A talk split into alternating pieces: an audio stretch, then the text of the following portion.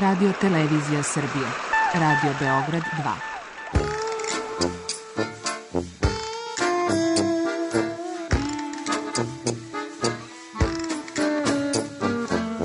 Rekli su mi, gospodine, vi ste promašili temu. Pa ja sam onda promašio život. I ne znam šta će da bude sam.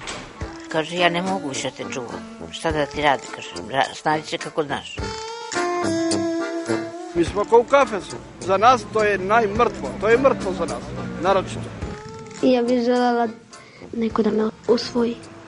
Da bih želela. Govori da bih te video. Program dokumentarnog zvuka.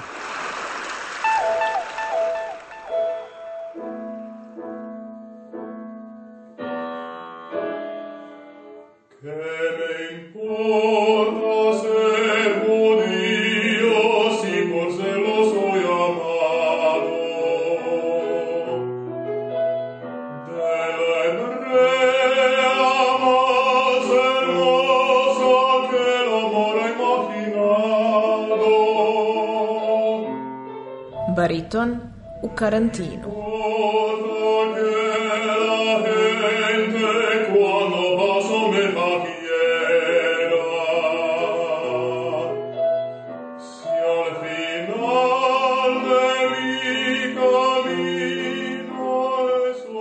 que me espera. Ja sam Milan Berišić, italijanski student operskog pevanja.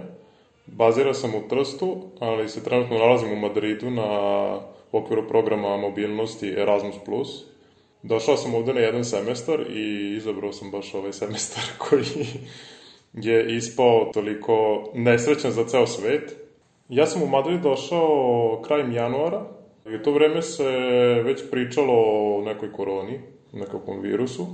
U vreme kada sam ja stigao ovde, imali smo dva slučaja na jednim od španskih ostrava i tada su bili izolovani i nakon toga nedeljama nismo imali prijave novih slučajeva, što je doprinalo nekoj vrsti, da kažem, opuštene atmosfere, koje je u svetu već počinjalo da uzima maha, pogotovo u Italiji, ali budući da su Španci dosta ovako opuštena nacija i da kažem, mnogo su više hedonistički orijentisani nego mi, nisu se toliko ni plašili u početku nekakvog virusa.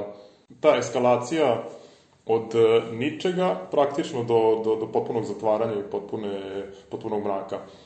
Dobro, nije u pitanju potpuni mrak, jer ipak smo nekako imali tu informaciju da ćemo da nastavimo da imamo hranu, da ćemo nastaviti da imamo struju i tako te stvari, tako da nismo se vratili u kameno doba, ali, su bi, ali je bio potpuno osjećaj odsečenosti. Tim pre što, što je jedna od cimerki pobegla za Italiju dan pre zatvaranja, onda smo potpuno osetili taj kao moment bežanja sa broda koji tone, ali u suštini mi je drago što sam odlučio da ostanem ovde, zato što druga opcija je bila da se vratim u Srbiju ili da se vratim treća u Italiju i da bih išao u još goru situaciju i možda napravio sebi ili nekom drugom još gori problem putu, putujući. E, nisam hteo da idem kući da, da izlažem riziku svoje roditelje, nisam hteo da provodim 14 dana u karantinu pod prisilom, tako da sam ostao ovde gde sam bar znao da ću moći da, da negde funkcionišem u okviru ovog stana i u okviru te mogućnosti da odem jednom nedeljno da kupim sebi hranu. Ali situacije, ta, taj, taj neki kratak vremenski period od, od početka e, promocije hashtaga na social media ostani kod kuće, kedate en casa na španskom, od toga do potpunog zatvaranja Španije je prošlo da li nedelju dana.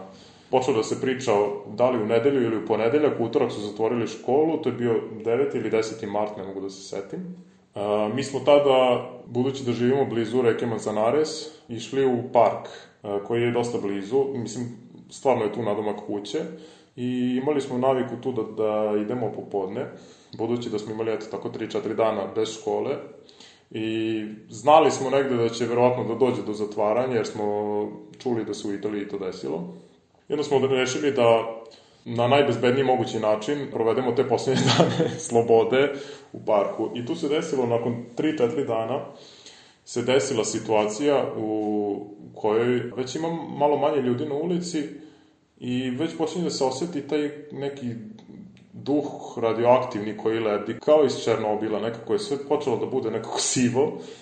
I u tom trenutku, e, poslednjih dana kada smo mi izašli, su policajci počeli da kruže u kolima sa razglasom, da govore kako nije bezbedno biti napolju i kako se savetuje da idemo kući i da raščistimo park.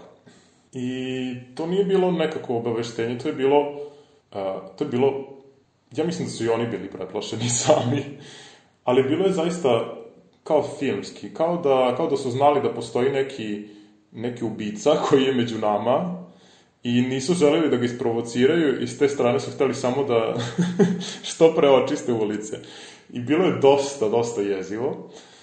I sećam se da smo tada napustili park i da je moj cimer ponovo, to je bilo nešto u jedan sat popodne, i da je ponovo e, izašao napolje, znajući da je verovatno to poslednji dan, i onda već video parkove sve zatvorene, zapečaćene policijskom trakom. I zaista to veče smo čuli odluku o karantinu. Dakle, od svega nekoliko, svega nekoliko dana od uh, potpune opuštenosti, skoro potpune opuštenosti do potpune zatvorenosti, tako da je šok bio dosta velik.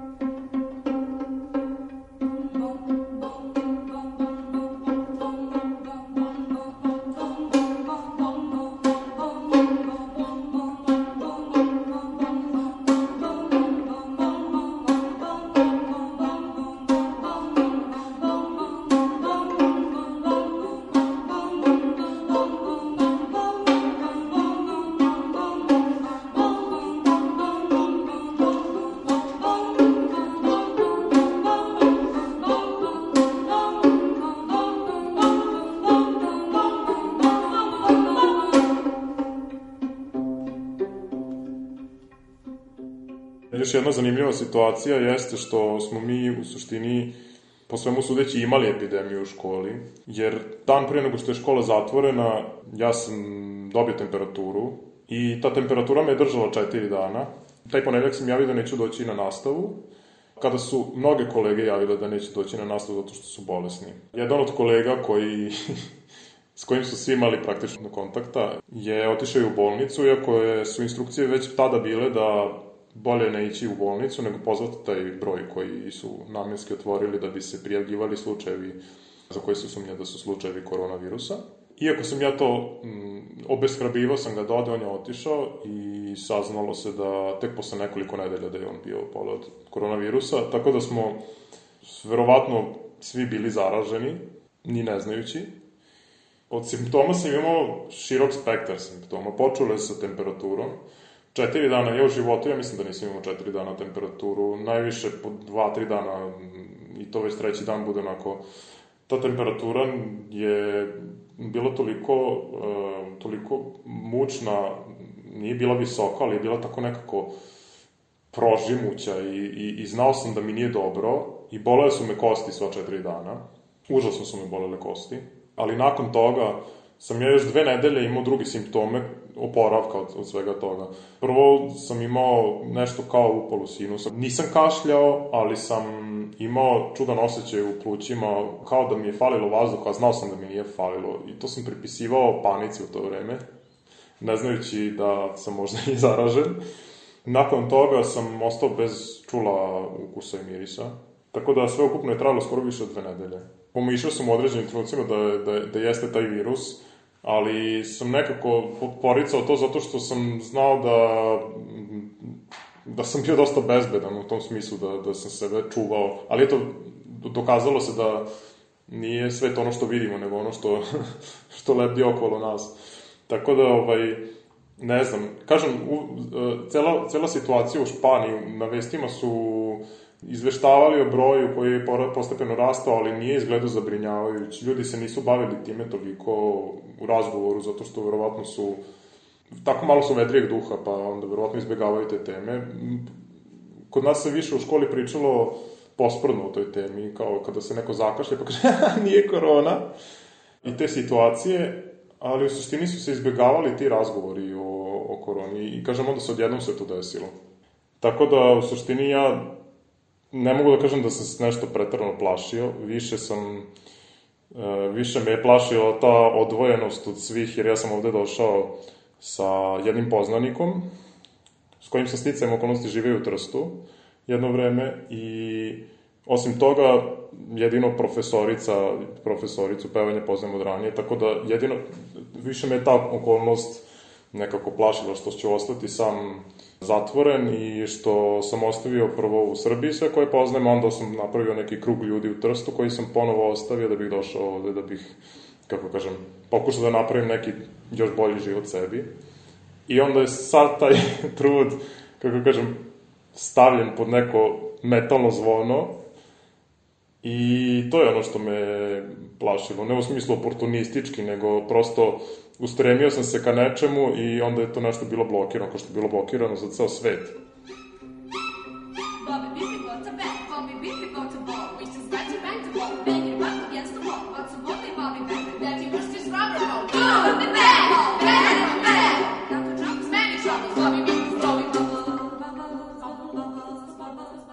Mislim da nema ko se nije preispitivao u toku karantina.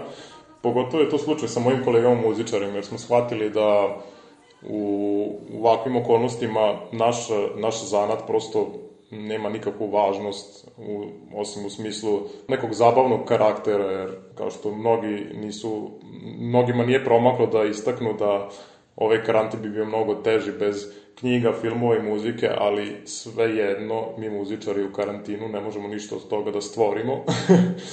Tako da naše bivstvovanje je dolazilo do, do srži svoje preispitivanje. Tako da mislim da osim toga što su se svi ljudi dosta poljujali ovom situacijom, meni je pogotovo teško bilo da nađem inspiraciju da pevam u jednoj maloj sobi u kojoj prosto moj glas niti može da dođe do izražaja zato što je soba toliko mala da u njoj stanu krevet i orman i ja i tu se završava, završavaju dimenzije sobe.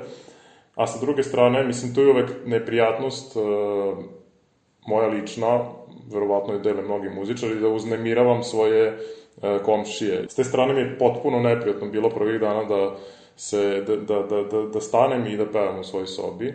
Sticam okolnosti, ovde smo imali u komšiluku jednog trubača koji svako veče izlazi da svira, do pre neki dan.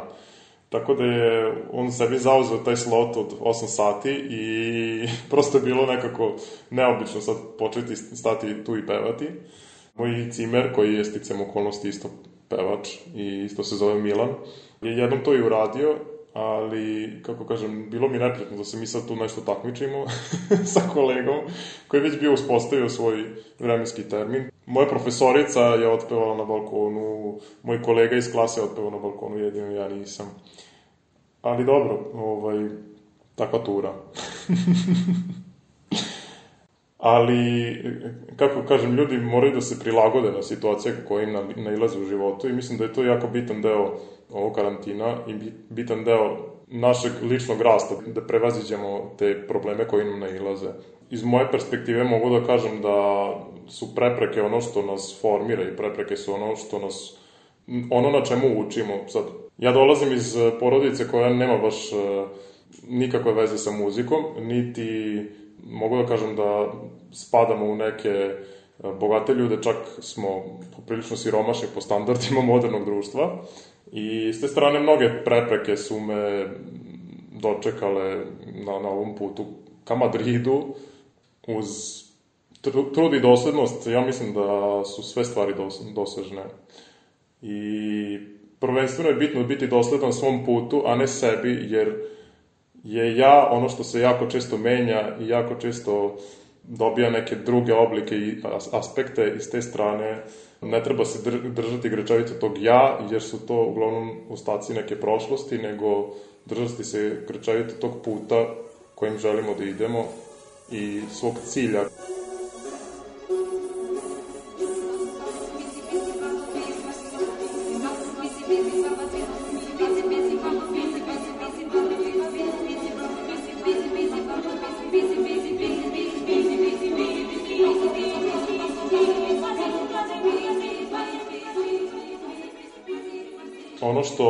Karakteristično za muzičare u svetu, a pogotovo u Srbiji, jeste da pogotovo na početku svoje karijere, moraju da rade stvari koje ne žele da rade i da se bave stvarima koje ih uh, ograničavaju u vremenskom smislu, zbog kojih ne mogu da se posvete sebi, a koje moraju da rade da bi preživeli i da bi eventualno ulagali u sebe kako bi dalje napredovali. I onda tu imamo početni paradoks jednog muzičara, gde treba da se posveti svom nastajanju, a u stvari mora da se posvećuje konobarisanju ili šankerisanju, kao što sam ja radio, ili e, pravanju hamburgera na nekom štandu.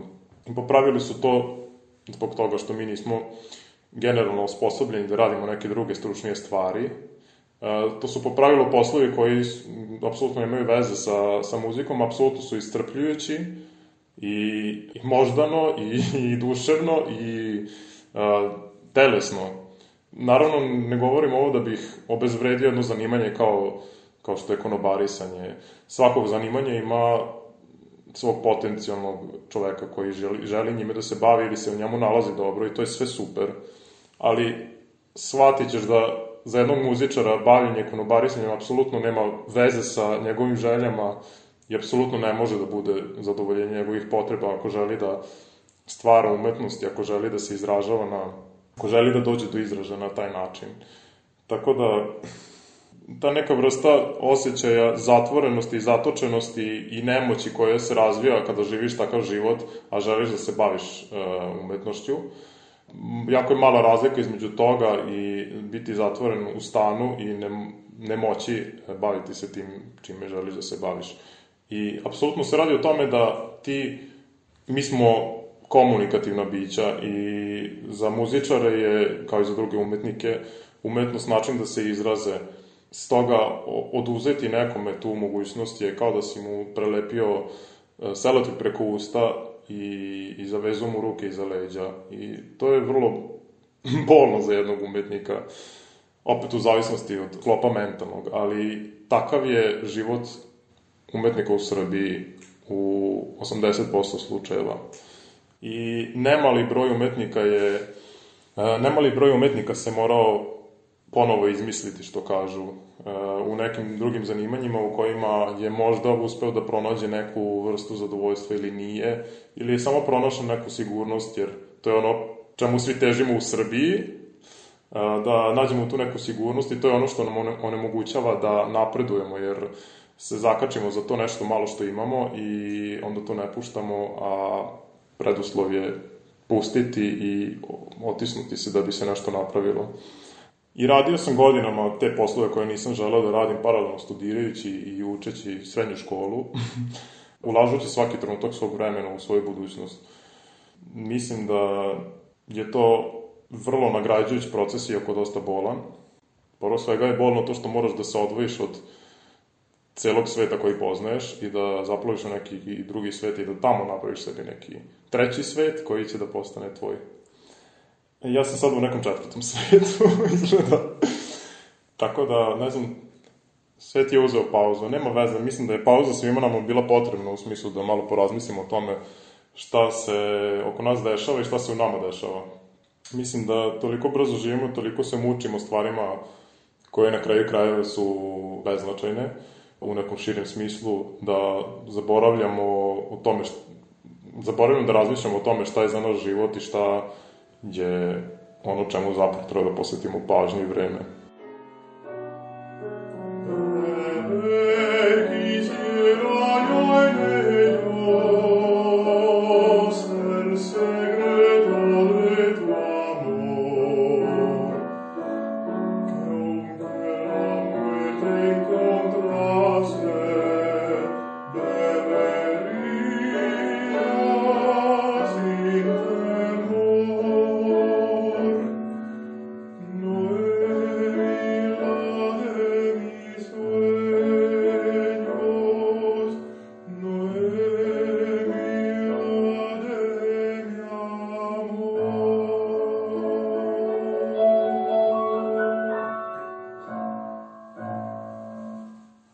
Put u inostranstvo je počeo jako davno u smislu planiranja. E, još od srednje škole sam počeo da razmišljam o tome. Naravno, okolnosti su bile takve da nisu dozvolile da u tom trenutku odem iz države. U početku sam to interesovanje imao samo zato što mi se sviđalo kako stvari napolju izgledaju i kako... Mislim, tada sam još bio klinac. Sviđao mi se Beč, sviđala mi se Mađarska, sviđali, sviđali su mi se evropski gradovi, prvenstveno kako su izgledali, arhitektura, bogatstvo kulturnog nasledđa koje se kod nas ne vidi. Mi de facto imamo bogato kulturno nasledđe, samo što se ne očituje i ne čuva i ne radi se na tome da se prikazuje. U svakom slučaju, tada sam imao mnogo nevinije razloge da, da odem iz države, ali postoje mnoge stvari koje jednog umetnika mogu da odvrate od života u Srbiji. Prvenstveno to što se naša vlada prema nama odnosi kao prema nekakvim mitološkim bićima i to vrlo jasno oslikavaju uh, novi rebalansi budžeta. Tako da mislim da je to generalno odnos države, pa čak i u neku ruku stanovništva, jer, jer država je odraz stanovništva, bar do neke mere, e, odnose prema umetnosti i umetnicima. Mislim da Srbija u ovom trenutku nije spremna za neki kulturni razvoj, niti ekspanziju i s te strane mislim da muzičari koji trenutno rade u Srbiji nisu uopšte u zavidnoj poziciji, a isto tako mislim da nema prostora za nove muzičare u Srbiji. Jer to malo mesto što ima, što je već upražnjeno, kako da kažem, bit će ispražnjeno kad nekom smrkne i onda će nekom drugom da svane, ali to nije ciklus koji to nije ciklus koji, kako kažem, motiviše nekoga da, da ostane i da se bori za neko svoje mesto. Pritom se radi o hiperprodukciji muzičara. Samo na Novosadskoj akademiji svake godine upiše 25 muzičkih pedagoga koji bi onda posle toga trebalo da predaju muzičku kulturu ili uh, solfeđu i teoriju u muzičkim školama. Znači, kad se napravi račun, svake godine bi moglo da izađe u teoriji 20 pet profesora muzike, koji gde da se zaposle. Potražnja je tako kako jeste u Srbiji. Dakle, jako malo potrebe ima za kulturnim radnicima, u suštini. Iako bih ja rekao da je potreba nasušna e, za kulturnim radnicima, svih vrsta, ali u našoj državi tako, tako i kakva jeste, kulturni radnici trenutno nisu neophodni, kako da kažem, što je jako tužno reći. Salvo, salvo, salvo, salvo, salvo, salvo, salvo, salvo,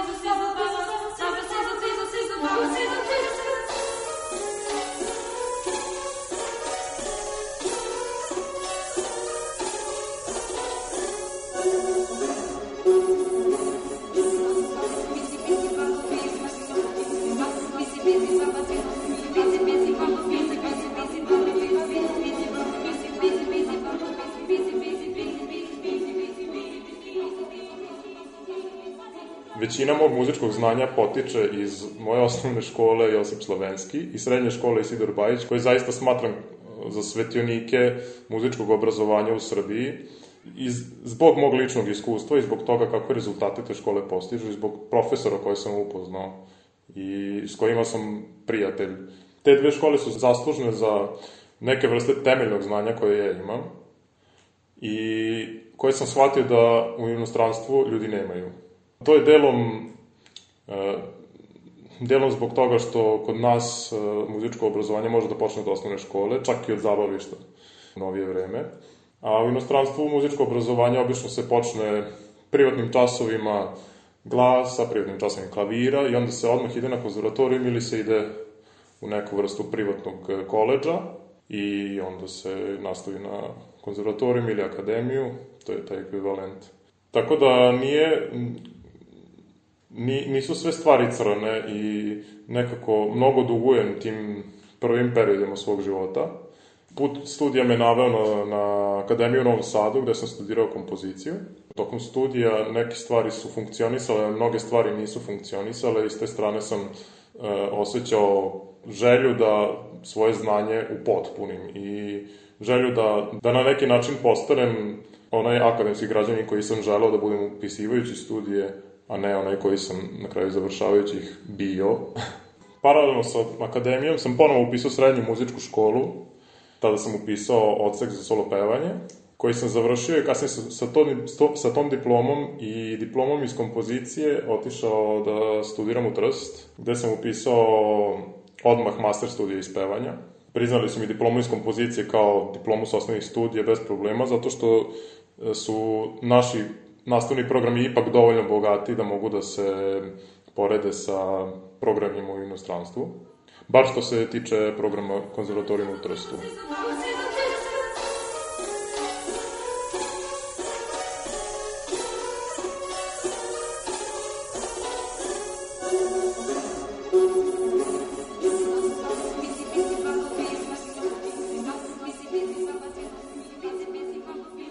Škola u Madridu u koju sam došao je jedna specijalna škola, zove se Escuela Superior de Canto de Madrid i u njoj se studira samo pevanje, opersko, džez i nisam siguran još šta. S te strane, mesec i po dana koji sam, koji sam proveo na školi su bili zaista, zaista prijatni i nakon toga desio se karantin i veoma brzo su se organizovale neke vrste nastave, online nastave, samo što je problem praktične prirode taj što se mi bavimo jednom praktičnom stvari koja ne može da se prevede u online sferu.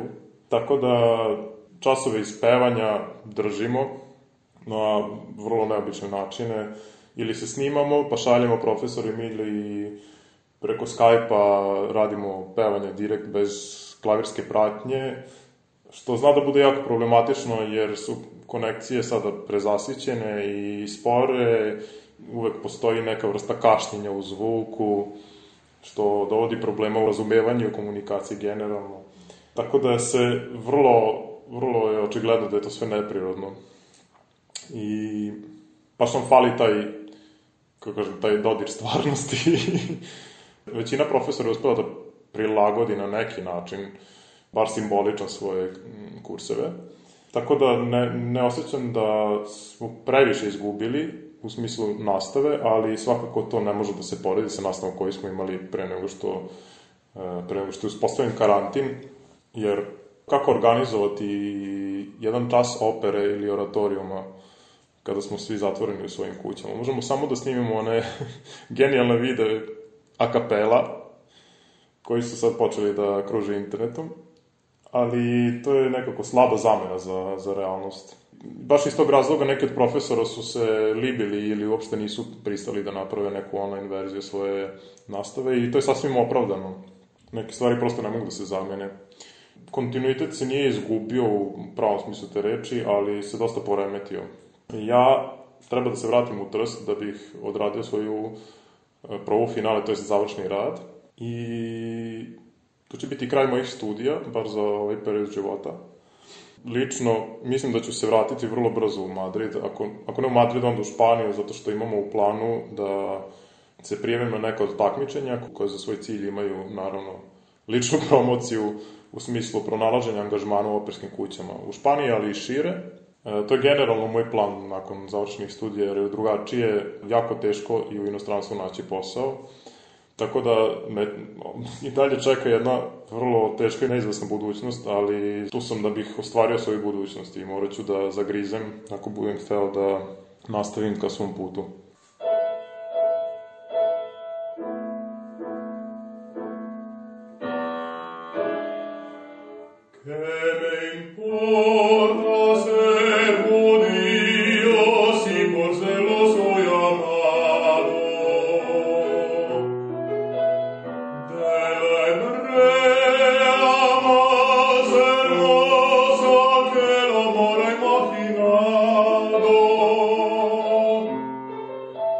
Reportaži Bariton u karantinu čuli ste Milana Perešića kao i romansu Kem importa sir hudio u izvođenju našeg gosta. Tokom emisije takođe je emitovana kompozicija Bounce, delo koje je Milan Perešić komponovao 2014. godine.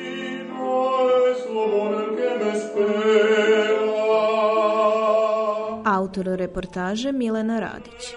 Caliento,